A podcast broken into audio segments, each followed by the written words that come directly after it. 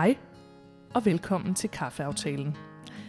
Jeg hedder Mie Rasmussen, og i dag skal vi tale om at være vildt dårlig til at netrykke. Eller med andre ord, vi skal tale om, hvordan man kan gå fra at være vildt dårlig til at netrykke, til at lære at netrykke og smalltalke. Jeg har fortalt før, hvordan jeg selv i årvis ikke har ville netrykke, og derfor heller ikke helt har forstået, hvordan man gør. Det troede jeg nok var en ganske særlig situation, altså at jeg var sådan et ganske specielt tilfælde. Men det har jeg fundet ud af, at det er jeg ikke. Gitte Honinghøj, velkommen til Kaffeaftalen. Tak skal du have. Du var nemlig også sindssygt dårlig til at netrykke en gang. Det må man sige. nu sætter jeg det selvfølgelig lidt på spidsen, men der er noget om det, for du siger nemlig med dine egne ord, at du faktisk ret sent i din karriere fandt ud af, at du var nødt til at lære at netrykke og skabe et professionelt netværk. Hvordan det? Jamen, det er fuldstændig rigtigt. Jeg, jeg tror egentlig, jeg stod det sted, som, øh, som de fleste gør. Når det går op for folk, at det her netværk er vigtigt, så er det faktisk rigtig tit, når de skal have et nyt job. Der går det op for en, at der øh, kunne det sgu egentlig godt betale sig at kende de rigtige mennesker. De fleste jobs bliver jo besat gennem netværk. Det er bare en kende for sent.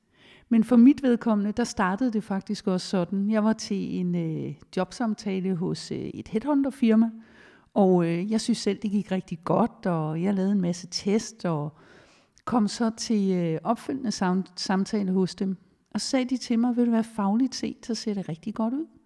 Du passer ind i virksomheden, og din profil er egentlig også rigtig god, men vi kan ikke tilbyde dig den her ansættelse.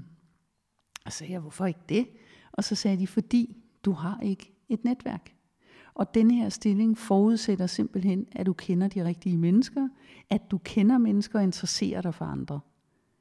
Så gik jeg hjem med den og, og var en lille smule slukøret og tænkte, hvad, hvad fanden gør jeg ved det? For det var jo fuldstændig rigtigt. Jeg havde faktisk ikke noget netværk. Og hvor gammel var du der? Jamen, øh, i dag er jeg 50, og det her var, ja hvad det, det er 10 år siden, omtrent 10 år siden. Så det er ret sent i karrieren ja, at finde ud af, at jeg er lige ja. nødt til at skifte spor. Ja,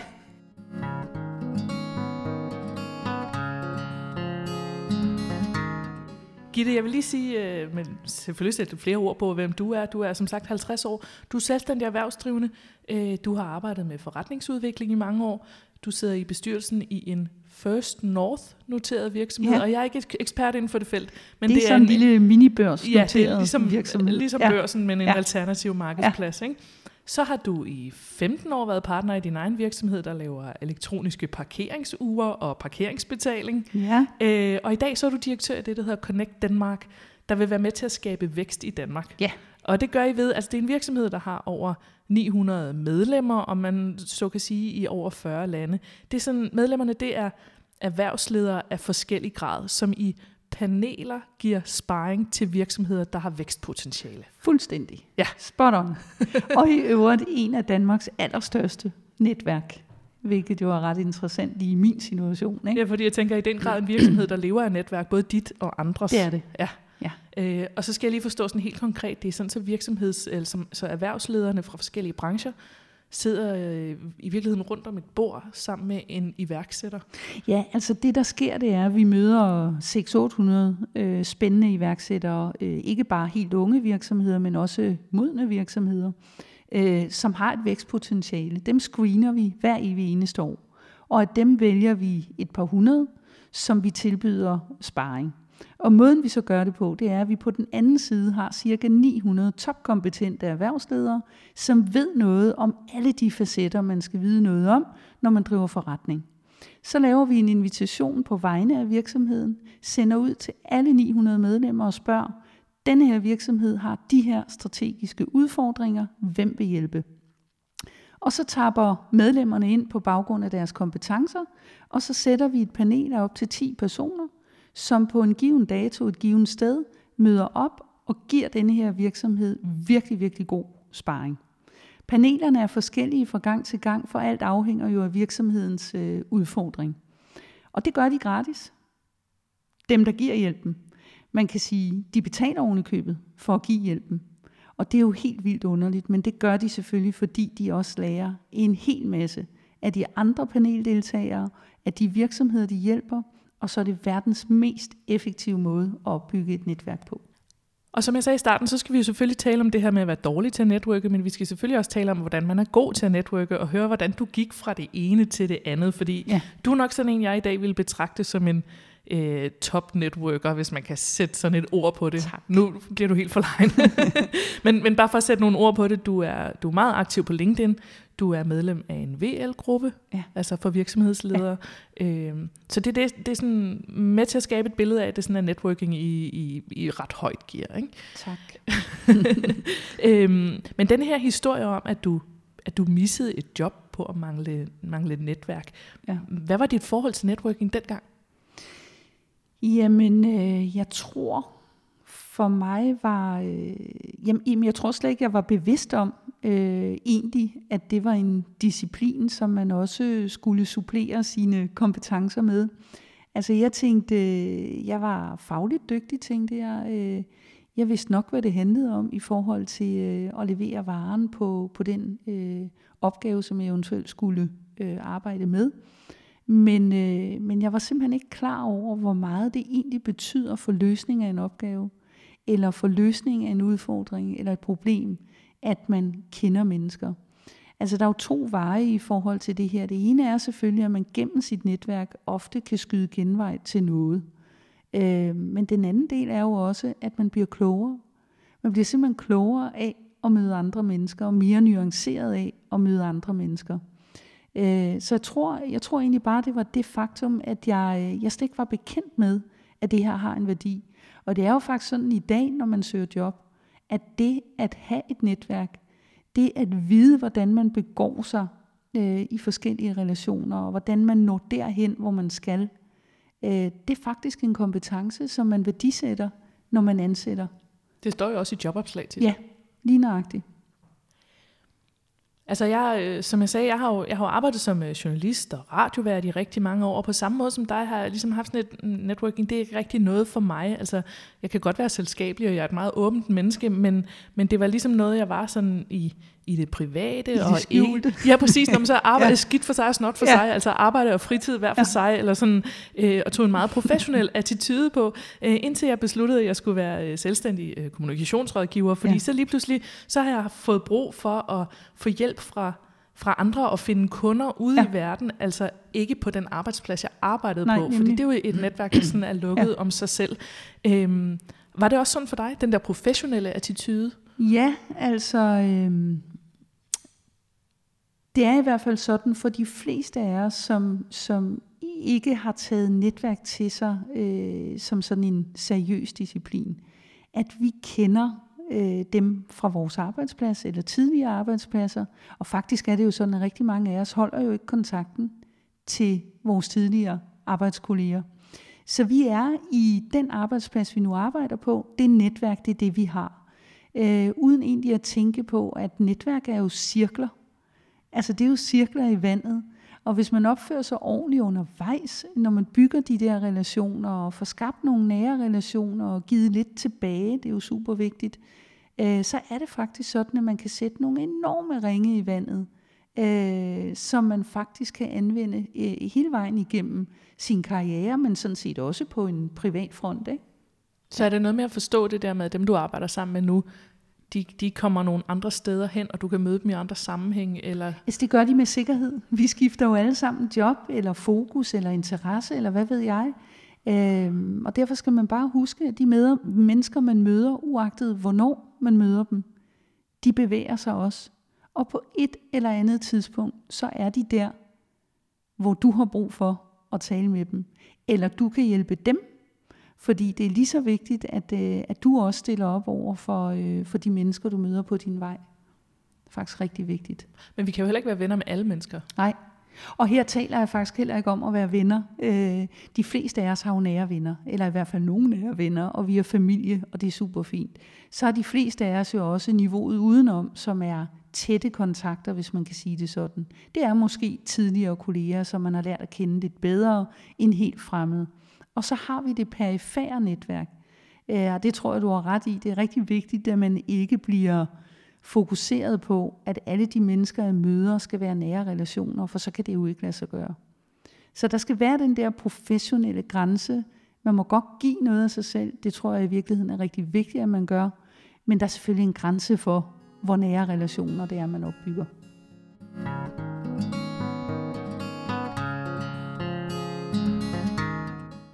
Du besluttede dig jo så for, at øh, nu skulle det her være anderledes. Altså du var ja. nødt til at få et netværk, hvis du, hvis du skulle have ja. nyt job, og du skulle klare dig ja. i erhvervslivet fremover.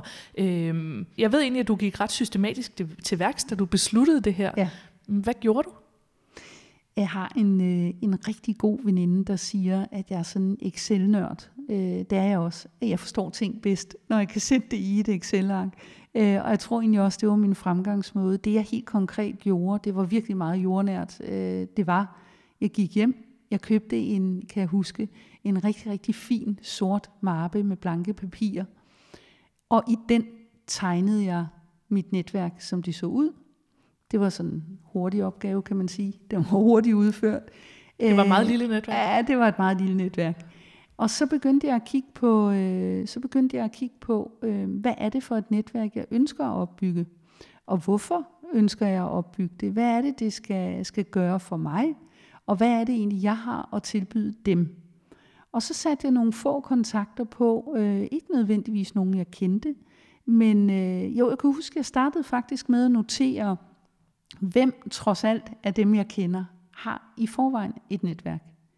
For det er jo et meget godt sted at starte, og det kan vi jo alle sammen gøre.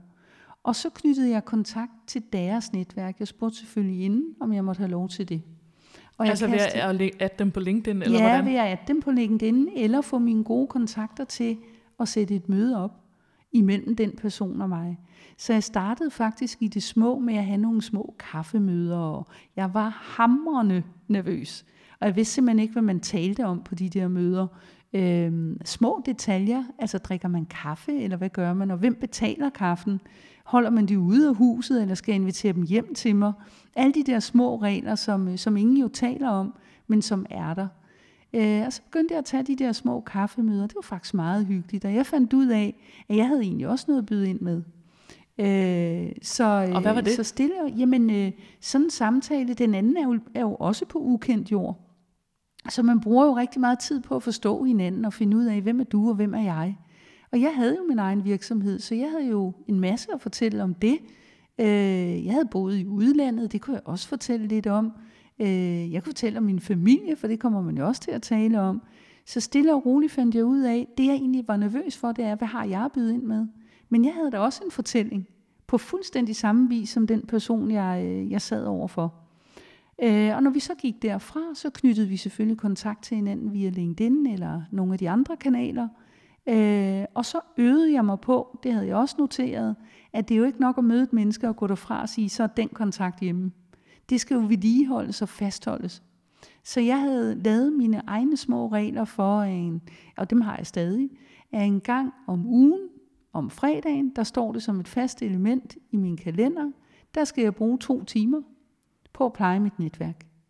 Altså via LinkedIn, tage fat i nogle af dem, jeg ikke har talt med i lang tid, tage fat i nogle af dem, jeg måske slet ikke har talt med, for sådan noget kan jo vokse lynhurtigt på LinkedIn. Og så få skabt nogle relationer, som ikke bare er navne. Altså, vi er i samme netværk, men vi kender ikke hinanden. Øh, du kender sikkert historien øh, eller fortællingerne om, at øh, nogle personer har jo flere tusinde mennesker i deres netværk på LinkedIn. Så når man har brug for deres hjælp og spørger, kunne du sætte mig i kontakt med ham eller hende, så kan de det ikke, fordi de kender faktisk ikke personerne. Nej, de har sådan set bare addet dem. Ja, så det gør jeg mig umage med, og det bruger jeg noget tid på. Jeg møder også mennesker, der spørger mig, hvordan pokker har du tid til at bruge to timer om ugen alene på, øh, på LinkedIn, altså på at pleje de kontakter. Og mit svar plejer bare at være, at jeg har slet ikke råd til at lade være. Det er en investering, og det er en arbejdsopgave, som fører noget godt med sig ofte. Men det var jo meget systematisk at gå til værks på den måde, men hvad gjorde, at du fandt ud af, hvordan man egentlig networker? Altså, fik du råd til det, eller googlede du dig til det, eller altså derfra så forstå, at man skal lave kaffeaftaler og sådan noget. Altså, der er jo ligesom nogen, der skal føre ind, ind i den verden, tænker Nej. jeg. Nej, jeg talte faktisk ikke med nogen. Måske faktisk synes jeg, tror jeg, at det var en lille bit smule pinligt at indrømme, at jeg faktisk ikke vidste, hvordan man netværkede. Øh, sådan tror jeg bare, jeg er natur. Øh, det er måske blevet lidt bedre med årene, men, men jeg tror egentlig, at jeg tænkte, at det her klarer jeg selv. Nu prøver jeg lige at tage de første møder alene og finde ud af, hvad det bringer med sig. Og så er det bare gået rigtig, rigtig fint. Øh, så jeg fik jo bygget 10-15 nye kontakter op om munden, og øh, ringene i vandet har jo bare gjort, at der er kommet flere og flere til. Øh, så man kan selv. Og, og det er egentlig også øh, den pointe, når jeg siger, jamen det her netværk, det skal man tage seriøst. Øh, det er en disciplin, det er en arbejdsmæssig disciplin.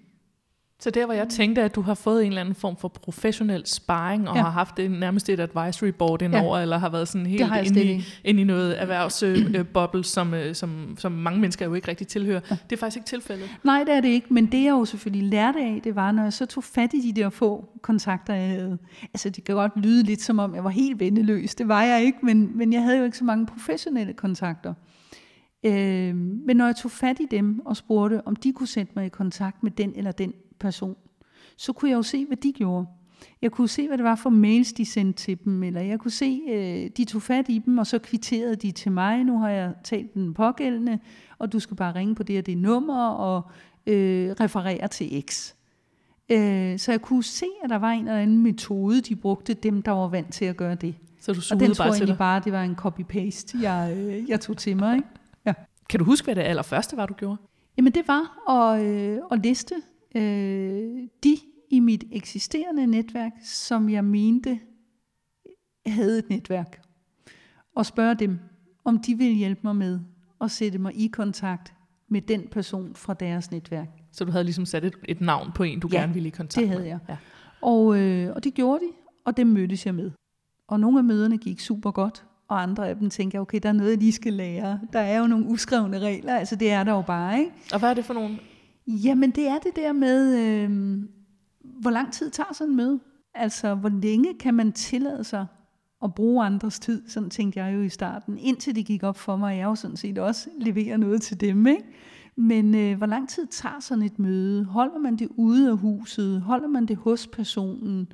Øh, starter man med, som jeg kom til at gøre rigtig mange gange, at være totalt faglig? Det var jeg. For jeg tænkte, jeg kan jo ikke bruge personens tid på at tale om vind og vejr, Øh, men det er faktisk en rigtig god indledning. Øh, at tale lidt om vind og vejr, om noget af det, som ikke nødvendigvis er, er topfagligt. Ikke? Altså jeg er jo heller ikke ekspert i de der øh, kaffeaftaler og kaffemøder øh, endnu, øh, men var de sådan cirka en times varighed? Eller? Ja, det vil jeg sige. En times varighed er egentlig meget øh, sigende, ja, eller dækkende. Ja. Og så skulle man faktisk, skal man helst starte med at tale lidt om sig selv? Ja, i hvert fald. Du ved, ligesom, ligesom øh, prøv at sammenligne det med, når du bliver inviteret til en fest og du har en sidemand eller en sidedame, så kaster man sig jo ikke ud i øh, det fagspecifikke eller andet med det samme. Det gør man jo ikke. Der taler man med, fordi skabt relationen og den gode kemi og får givet lidt af sig selv. Og øh, sådan, øh, her føler vi os godt tilpas. At når alt kommer til alt, så handler netværk jo om at skabe kemi. Der er ikke nogen, uagtet hvor dygtig du er, så er der ikke nogen, der hjælper dig, hvis de ikke kan lide dig. Så det handler simpelthen om at, at få skabt en god stemning og øve sig på det. Men det lyder også næsten som om, at du har skulle, øh, måske ikke ændre personlighed, men i hvert fald lære at bruge nogle sider af dig selv, som du ikke ja. altså, var god til. Altså det har altid været virkelig vigtigt for mig, ikke at ændre personlighed øh, og at være autentisk. Øh, især fordi de mennesker, man møder, de møder jo også hinanden. Så på et eller andet tidspunkt har du et problem, hvis du fremstår på forskellige måder, afhængig af, hvem det er, du mødes med. Men situationsfornemmelse er jo super vigtigt. Og det kan godt være, at du skal tilgå et møde med en, øh, på, på en måde, og et andet møde på en anden måde, alene fordi den, du sidder overfor, er en anden person. Så øh, ændre adfærd, det synes jeg ikke, man skal, men hive det bedste frem, man kan i forhold til det menneske, man sidder overfor. Og så ved jeg, at, øh, at du som en af dine målsætninger havde altså en erklæret målsætning om, at du også skulle ture at være kvinde. Ja. Hvordan skal det forstås? Det er en længere snak, men på arbejdsmarkedet øh, oplever jeg, at det samtidig er sådan, at kvinder bliver mænd. Øh, for at gøre sig gældende og det er ikke nødvendigt. Øh, det jeg mener med det, det er, at øh, du kender måske selv personerne, men, men håndtrykket er dobbelt så hårdt som det behøver at være. Blikket er dobbelt så fast, som det behøver at være. Øh, jakkesæt øh, på, øh, en hvid skjorte på, et øh, kig på uret hele tiden, vi er effektive osv. Øhm, altså det er der jo ikke noget galt med. Det jeg bare siger, det er, at, at det der med at turde spille sin kvindelighed ind i netværkssammenhængen, er faktisk super godt. For det vi er rigtig gode til, det er jo faktisk at skabe en god stemning. Og tale om noget andet, end det der er oplagt at tale om. Så det gør jeg, det gør jeg egentlig selv meget ud af, og, øh, at forsøge at gøre samtalen lidt, øh, lidt mindre kantet, men stadig fokuseret. Og de to ting kan sagtens gå hånd i hånd, synes jeg. Øh, og det, det oplever jeg egentlig bliver modtaget øh, meget positivt. Så øh, jeg skal også lige forstå, hvordan sådan i praksis det er. Øh, altså det betyder, det behøver ikke betyde, at man skal flytte med folk, men, men da ja. jeg kom ind her og skulle mødes med dig, og ja. jeg havde øh, hattehår og ja. øh, morgenmad i munden ja. og undskyld på forhånd, ja. men så var jeg faktisk allerede ude over den hurdle, fordi ja, jeg begyndte at tale om mig selv, ja. i stedet for at tale om det, vi skulle snakke ja. om. Ja, lige præcis. Og vi skabte en god stemning op ad trappen til det her øh, lokale, vi sidder i og så videre. Ikke? Øh, jamen det handler det meget om at tage brøden af alvoren, hvis man kan sige sådan. Men jeg er jo også bare som person, det er jo ikke alle, der, der synes det er fedt, men jeg er jo bare sådan, at øh, jeg tror, man kommer rigtig, rigtig langt, hvis man tør bryde de der meget formelle barriere ned. Og give lidt af sig selv, uden at det bliver alt for øh, personligt, det behøver man slet ikke.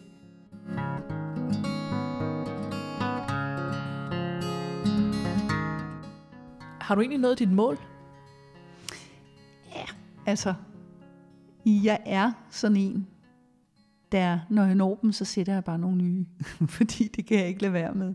Men hvad angår netværk, så synes jeg jo, øh, så synes jeg, er noget rigtig, rigtig langt. I dag er jeg jo direktør i et af Danmarks største netværk. Det er, det er jeg super stolt af, når jeg tænker på, hvordan det så ud for mig for, øh, for 10 år siden. At disciplinen, jeg arbejder med, er rent faktisk at skabe relationer for folk, sådan at de når deres mål. Øh, så det er jeg jo rigtig stolt over. Men jeg vil sige, netværk, det at netværke, det bliver man jo aldrig færdig med. Der kommer jo nye mennesker til hele tiden. Nye kompetencer, unge mennesker. Altså, det har jeg faktisk begyndt lidt på på det sidste, at sige, jamen okay, mit netværk, erhvervsnetværk, det er jo super, super godt og stærkt, synes jeg. Men hvis vi nu kiggede på gennemsnitsalderen, så er det jo ikke sikkert, at der er så mange af os tilbage om 20 år. Øh, så jeg er faktisk begyndt at kigge lidt på, øh, jeg har allerede et netværk der, men, men at gøre lidt mere ud af at møde nogen, som, øh, som også er en del yngre end mig selv. For når alt kommer til alt, så bliver det jo fremtidens ledere. Så det er faktisk en åben invitation til folk, der er under 30, ja, der har interesse. Ja, kontakt mig gerne. Ja. det er rigtigt. Bliver du egentlig aldrig nogensinde træt af at skulle være så glad og flink og på hele tiden? Jamen det tror jeg også handler om, at øh, et, jeg får energi af at møde andre mennesker. Øh, jeg elsker også at være alene. Øh, og det tror jeg er rigtig vigtigt, at man også er. Og der er en gang imellem, hvor jeg siger, i denne her uge, eller de næste to uger, der skal jeg bare ikke møde øh, flere nye mennesker. Fordi det handler jo også om at, øh, at tage det ordentligt ind. Det er jo ikke bare sådan en klippekort eller en bingoplade. Nu har jeg en, en, en fuld plade. Det handler jo sådan set også om at, øh, at lade det lande, at man har mødt nogle nye mennesker, øh, så det ikke bare bliver brikker i et større spil. Ikke? Så jeg har også behov for at være alene, men jeg bliver ikke træt af at møde spændende mennesker. Jeg synes, de fleste mennesker har rigtig meget at, at byde på. Er der stadig ting, du kan blive bedre til med hensyn til networking? Ja, det har jo udviklet sig over tid. Jeg, jeg, jeg tror, min første øh, fortolkning af netværk, eller det at netværke, handlede om for mig at skabe relationer, så jeg kunne skyde en genvej til noget. Men det gik lynhurtigt op for mig, at så kommer man ingen steder. Øh, man er simpelthen nødt til at tage den anden del af kagen med, som handler om at være noget for andre, og at skabe netværk for andre. Så, øh, så indimellem i dag, indimellem møder jeg jo mennesker, øh, som, som bliver mit netværk, og som hjælper mig til at skyde genvej. Indimellem gør jeg noget for dem, jeg kender, sådan at de kan skyde genvej. Men rigtig tit bruger jeg faktisk også meget tid på at connecte andre end mig selv. Øh, altså ud i anden ring eller, eller tredje ring. Ikke? Og, øh, og det er også en disciplin inden for netværk. Øh, det er faktisk ret øh, mange discipliner, man skal kunne.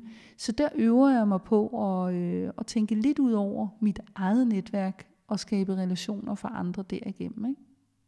Giver det mening? Jo, jo.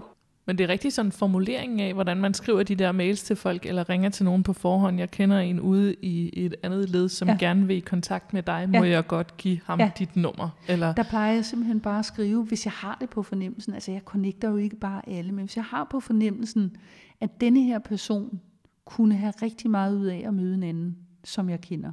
Og den anden person kunne faktisk også have rigtig meget ud af at møde den, jeg kender så skriver jeg en mail eller ringer og siger, jeg er overbevist om, at I to vil kunne få rigtig meget ud af at møde hinanden. Jeg ved ikke helt til hvad, eller hvad der måtte ske, men give it a trial. Jeg er ret sikker på, at I begge to får en god oplevelse. Og jeg tror aldrig, jeg har været ude for, at nogen har sagt nej. Og så har jeg sådan set ikke mere med det at gøre. Det, der så bare er vigtigt, det er, at de to personer, som jeg lige nu har gjort en tjeneste, at de husker, og skrive til mig bagefter og sige, tak, det var et super fint møde, hvor blev jeg glad. Ja, fordi det, jeg skulle til at spørge dig om, det er, at du, du går også meget op i at, at fortælle andre, hvordan man er den gode networker, men derfor dermed jo også sagt, hvordan man, altså sådan, hvad der er absolut no-go ja. i netværksbranchen. Ja.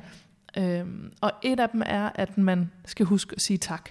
Ja, det skal man. Øhm, og det er faktisk... Øhm Altså det synes jeg, man skal. øh, det er faktisk øh, lidt interessant, fordi jeg har prøvet at dykke lidt ned i, hvordan kan det være, at så mange mennesker glemmer at sige tak for hjælpen.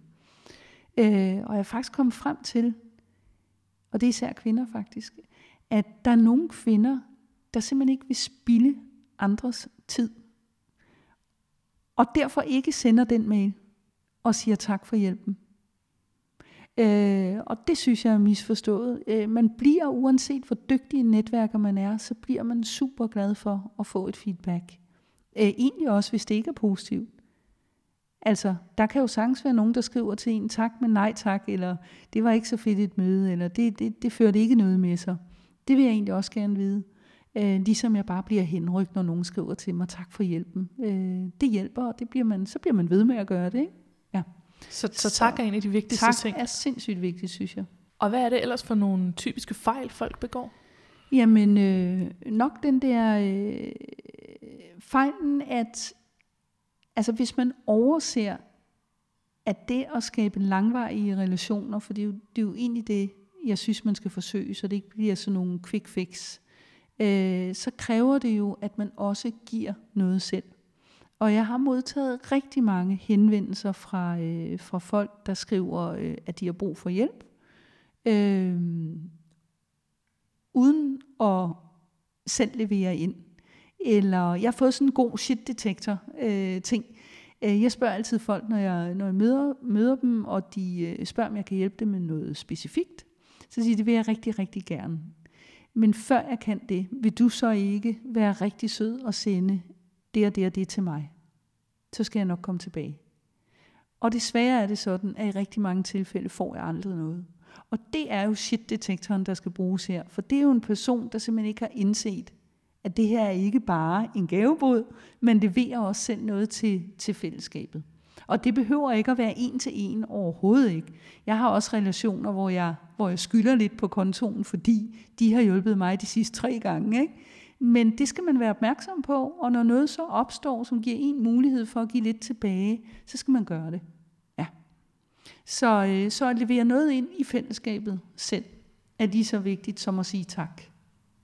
Og hvad så, øh, du sagde også det der med, når folk de siger, øh, jeg har brug for et nyt job. Ja. At gør folk det? Altså skriver de, bare, ringer de til eksempel. dig? Øh, for ganske nylig fik jeg en, øh, en øh, besked på Messenger, fra en, øh, fra en person, som jeg har arbejdet med for 20 år siden. 25 måske endda. Øh, og personen skriver til mig, hej Gitte, øh, jeg har brug for din hjælp, udopstegn, og ikke andet. Og så skriver jeg øh, spørgsmålstegn, hvad, øh, hvad mener du? Så skriver personen, jamen øh, det ser ud til, at jeg mister mit job og skal have et nyt udopstegn. Og så skriver jeg, og det ligner mig ikke, men så skriver jeg faktisk en besked til hende om, at øh, det her er bare ikke en, øh, en gavebod, og jeg er altså ikke sådan en, der trækker, øh, trækker ting op, op af hatten. Øh, bare, vi har ikke arbejdet sammen i 20-25 år. Hvis jeg skal anbefale dig nogen steder hen, er vi altså nødt til øh, at tale sammen, og du er nødt til at gøre dig mere umage næste gang, du beder om hjælp. Øhm, sådan har jeg slet ikke svaret tidligere, men det gør jeg nu, øh, fordi jeg synes simpelthen, det er så, øh, så ringe stil. Og jeg synes, det, er, øh, det handler sgu lidt om opdragelse egentlig. Ikke? Og hvilken reaktion får du på at skrive det til folk? Fordi det er jo også i den bedste mening, ikke? Ja. Jamen, øh, konkret skrev denne her person fair nok. Øh, det var ikke fordi, jeg ville, ville bede dig om at gøre arbejdet med. Jeg finder en anden løsning, hvilket også er en, en er et særligt svar. Ikke? Ja. Og det kan måske være folks måde at begynde at indse, hvordan man Ja, jeg netrykker. håber i hvert fald, at den person næste gang, hun beder om hjælp, øh, lige overvejer at gøre sig en lille smule mere umage. Ikke? Øh, hvad er dit råd til folk, der står derude og skulle tænke, jeg kommer aldrig nogensinde til at kunne i nærheden af det, Gitte kan, og sådan nogle netværkstyper? Jeg tror, det er mit udgangspunkt, var vel det dårligste. Jeg tror simpelthen, alle mennesker kan netværke. Altså, det er jeg slet ikke i tvivl om, at de kan. Uagtet hvor øh, introvert man er, øh, så tror jeg faktisk, man kan netværke. Det fede ved at netværke eller skabe relationer, det er jo, at vi alle sammen har et udgangspunkt. Der er jo ingen af os, der ikke kender nogen. Så vi, øh, vi er jo allerede i gang. Vi skal simpelthen bare bygge uden på det, som vi allerede har, og det er overbevist om, at alle kan. Øh, men det kræver selvfølgelig mod, og så, øh, og så tror jeg, man skal, skal sige til sig selv, jeg kommer til at begå hundredvis af fejl i forbindelse med netværk. Det er lige meget. Bare prøv igen. Vi er kun mennesker. Og så måske også prøve at gå til nogle andre ting end de der netværksmøder, hvis det ikke lige passer til en? Eller? Ja, altså der er jo nogle mennesker, der er sublime, øh, hvad skal jeg sige, receptionister, øh, hedder det det. Så nogle, der øh, går til receptioner, og i løbet af 0,5 har de bare skabt øh, en god snak. Det de til gengæld kommer til at gøre, mange af dem, på de der øh, receptioner, det er at ende med at stå og tale med en person, fordi man trives bedst med det. Øh, og hvis pointen er at møde mange øh, og skabe nogle relationer, så skal man jo bevæge sig lidt rundt. Men det kan jo være, øh, det kan jo være øh, virkelig ubehageligt, hvis man ikke kan lide det. Og så må man gå tilbage og kigge på, altså mit bedste råd i det her, det er jo, gør det på din måde. Det er slet ikke sikkert, at du skal gå til receptioner. Det er slet ikke sikkert, at du skal melde dig ind i forskellige netværk. Det kan være, at du skal noget helt andet for at skabe relationen. Men du kan skabe den. Det er bare et spørgsmål om at kaste sig ud i det og prøve at begå sine fejl.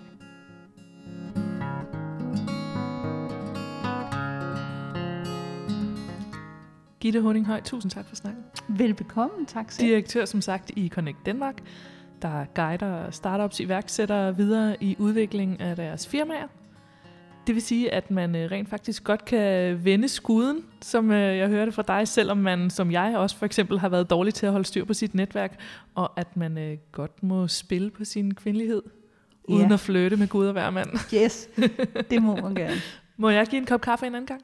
Det må du. Det lyder dejligt. og du er også yngre. Præcis. Jeg er fremtiden. Ja, sådan. Tak. Der er flere afsnit af Kaffeaftalen på vej der, hvor du henter podcast. Har du spørgsmål til mig eller til Gitte, eller en idé til et afsnit af Kaffeaftalen eller andet godt, så kan du skrive det i en mail til kaffeaftalen Jeg hedder Mie Rasmussen. Tak for nu. Ha' det rigtig godt, til vi høres ved.